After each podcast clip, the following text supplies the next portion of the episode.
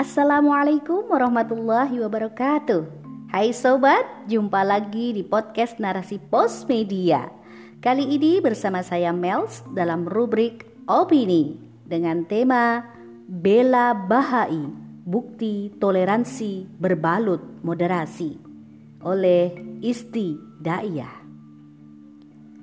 Islam adalah agama yang sempurna, penyempurna agama samawi sebelumnya yang berakidah lurus sebagai aturan hidup manusia di dunia. Namun, karena kebebasan dan sistem sekuler yang telah berkembang di dunia, maka bermunculan agama baru yang menafikan kebenaran dari Zat yang Maha Kuasa. Seperti yang terjadi baru-baru ini, Menteri Agama Yakut Khalil Kaumas menjadi sorotan publik karena mengucapkan selamat hari raya kepada komunitas Bahai, yakni agama sesat yang menyeleweng dari koridor Islam. Hal ini kemudian menuai kecaman dan dinilai melakukan offside. Setelah Menteri Agama menuai kecaman karena ucapan hari raya pada aliran sesat Bahai, kini pemerintah juga terus melakukan pembelaan dengan menyatakan tidak ada aturan yang dilanggar dari pemberian ucapan tersebut. Pembelaan itu disampaikan oleh staf khusus Menteri Agama, Isfah Abidal Aziz, yang menyebutkan bahwa langkah menak selama ini berjalan sesuai perintah peraturan perundang-undangan yang berlaku, yakni mengajak umat untuk kembali pada regulasi undang-undang yang ada sehingga bisa memahaminya secara utuh. CNN Indonesia 29 Juli 2021. Sementara itu Detik News 30 Juli 2021 mewartakan koalisi yang terdiri YLBHI, Paritas Institut, LBH Jakarta, Yayasan Inklusif, HRWG, CRCS UGM, Ulil Absor Abdallah, dan Ahmad Suwaidi menilai adanya kontroversi perihal komunitas Bahai ini, mengharapkan agar pemerintah dapat melindungi dan memenuhi hak-hak kelompok minoritas sebagai warga negara yang sama.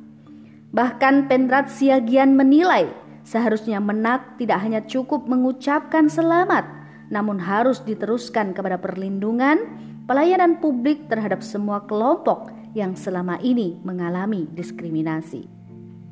Dari berbagai pembelaan dan alasan yang dikemukakan banyak pihak di atas menunjukkan bahwa arus kebebasan beragama yang terjadi di negeri ini semakin kuat Upaya moderasi beragama yang dianggap sebagai kunci terciptanya sebuah toleransi beragama masif dilakukan. Padahal toleransi yang kebablasan akan menyebabkan lunturnya akidah umat Islam. Demokrasi menyuburkan moderasi. Seperti yang diketahui bersama bahwa Bahai merupakan agama yang lahir dari Persia, Iran, pada 23 Mei 1844 dan masuk Indonesia pada 1878. Data dari Kemenak menyebutkan penganut aliran Bahai di Indonesia sekitar 5.000 orang. Bahai sebenarnya banyak ditolak oleh negara-negara muslim di dunia karena penyimpangan ajarannya yang tidak mau mengakui bahwa Nabi Muhammad SAW adalah nabi terakhir dan menafikan kesempurnaan Al-Qur'an sebagai kitab suci yang sempurna. Namun karena alasan toleransi dan propaganda moderasi, akhirnya Bahai ini seakan mendapat tempat di tengah masyarakat. Demokrasi yang menjunjung tinggi kebebasan memberi ruang gerak tumbuhnya toleransi yang mengarah kepada pluralisme yang berpaham semua agama dinyatakan sama. Sama-sama membawa kebenaran dan kebaikan Padahal ini sangat berbahaya bagi pemeluk agama Islam karena akan menggelincirkan umat kepada kemusyrikan. Toleransi yang lahir dari pemahaman moderasi beragama hanyalah ilusi. Hal ini sangat berbahaya bagi umat Islam sendiri karena ada upaya untuk pengarusan pluralisme yang bukan hanya berisi propaganda moderasi namun juga merupakan propaganda pemikiran barat untuk menjauhkan umat dari Islam kafah. Hal ini sangat merugikan umat Islam karena sistem demokrasi yang mengagungkan kebebasan beragama menumbuh suburkan berbagai kegiatan untuk memperkuatnya. Berbagai opini juga digulirkan untuk menguatkan arus moderasi agama dengan tujuan agar Islam hanya menjadi agama formalitas individu saja dan menjauhkan umat agar menolak formalitas syariah dalam ranah negara. Oleh karena itu, sebagai seorang muslim jangan sampai terkecoh untuk tergelincir kepada kemusyrikan yang berlabel pluralisme yang tumbuh subur dalam sistem demokrasi. Islam menjaga akidah umat. Akidah atau keimanan adalah perkara yang sangat penting bagi umat Islam. Pasalnya, akidah akan menentukan surga dan nerakanya seseorang.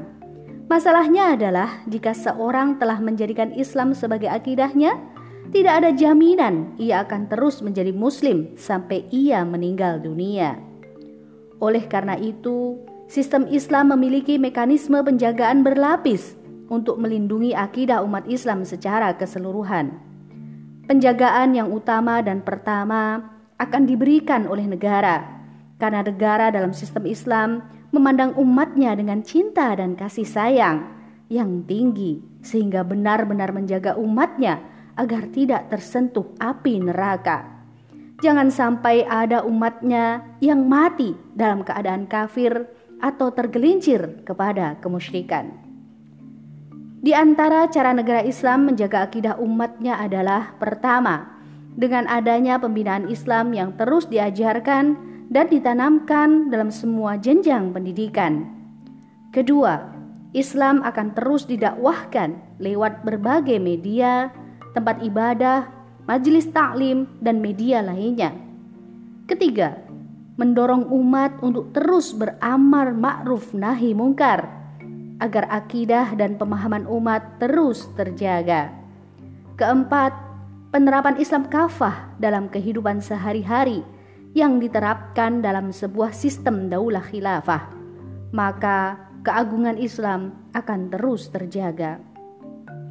Oleh karena penjagaan negara dalam sistem Islam yang luar biasa ini, maka tidak akan memunculkan aliran-aliran sesat seperti yang terjadi saat ini. Negara akan menghentikan dan menghabisi ajaran sesat tersebut sampai ke akar-akarnya. Negara dalam sistem Islam tidak akan memberi kesempatan bagi pemikiran Barat, yakni liberalisme, sekularisme, pluralisme, dan sejenisnya untuk hidup dan berkembang di negara khilafah. Dalam Islam, toleransi kepada sesama manusia adalah menghormati keyakinannya, tidak ikut meyakininya, apalagi menerima keyakinan yang bertentangan dengan Islam.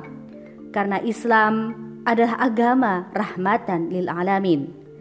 Dalam Al-Quran juga sudah dijelaskan bagaimana toleransi itu diletakkan untuk kalian agama kalian dan untukku agamaku.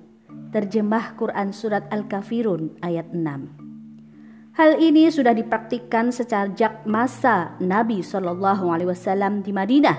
Ketika itu hidup beberapa komunitas, di antaranya Islam, Yahudi, dan orang-orang musyrik. Rasulullah adalah suri tauladan terbaik dalam mempraktekkan toleransi dalam masa hidupnya yang telah dikisahkan dari banyak riwayat. Salah satunya bagaimana Rasul mengunjungi tetangga yang sakit, walau tetangga itu kafir. Rasul juga bermuamalah dengan beberapa komunitas agama di Madinah saat itu dengan tanpa adanya gesekan.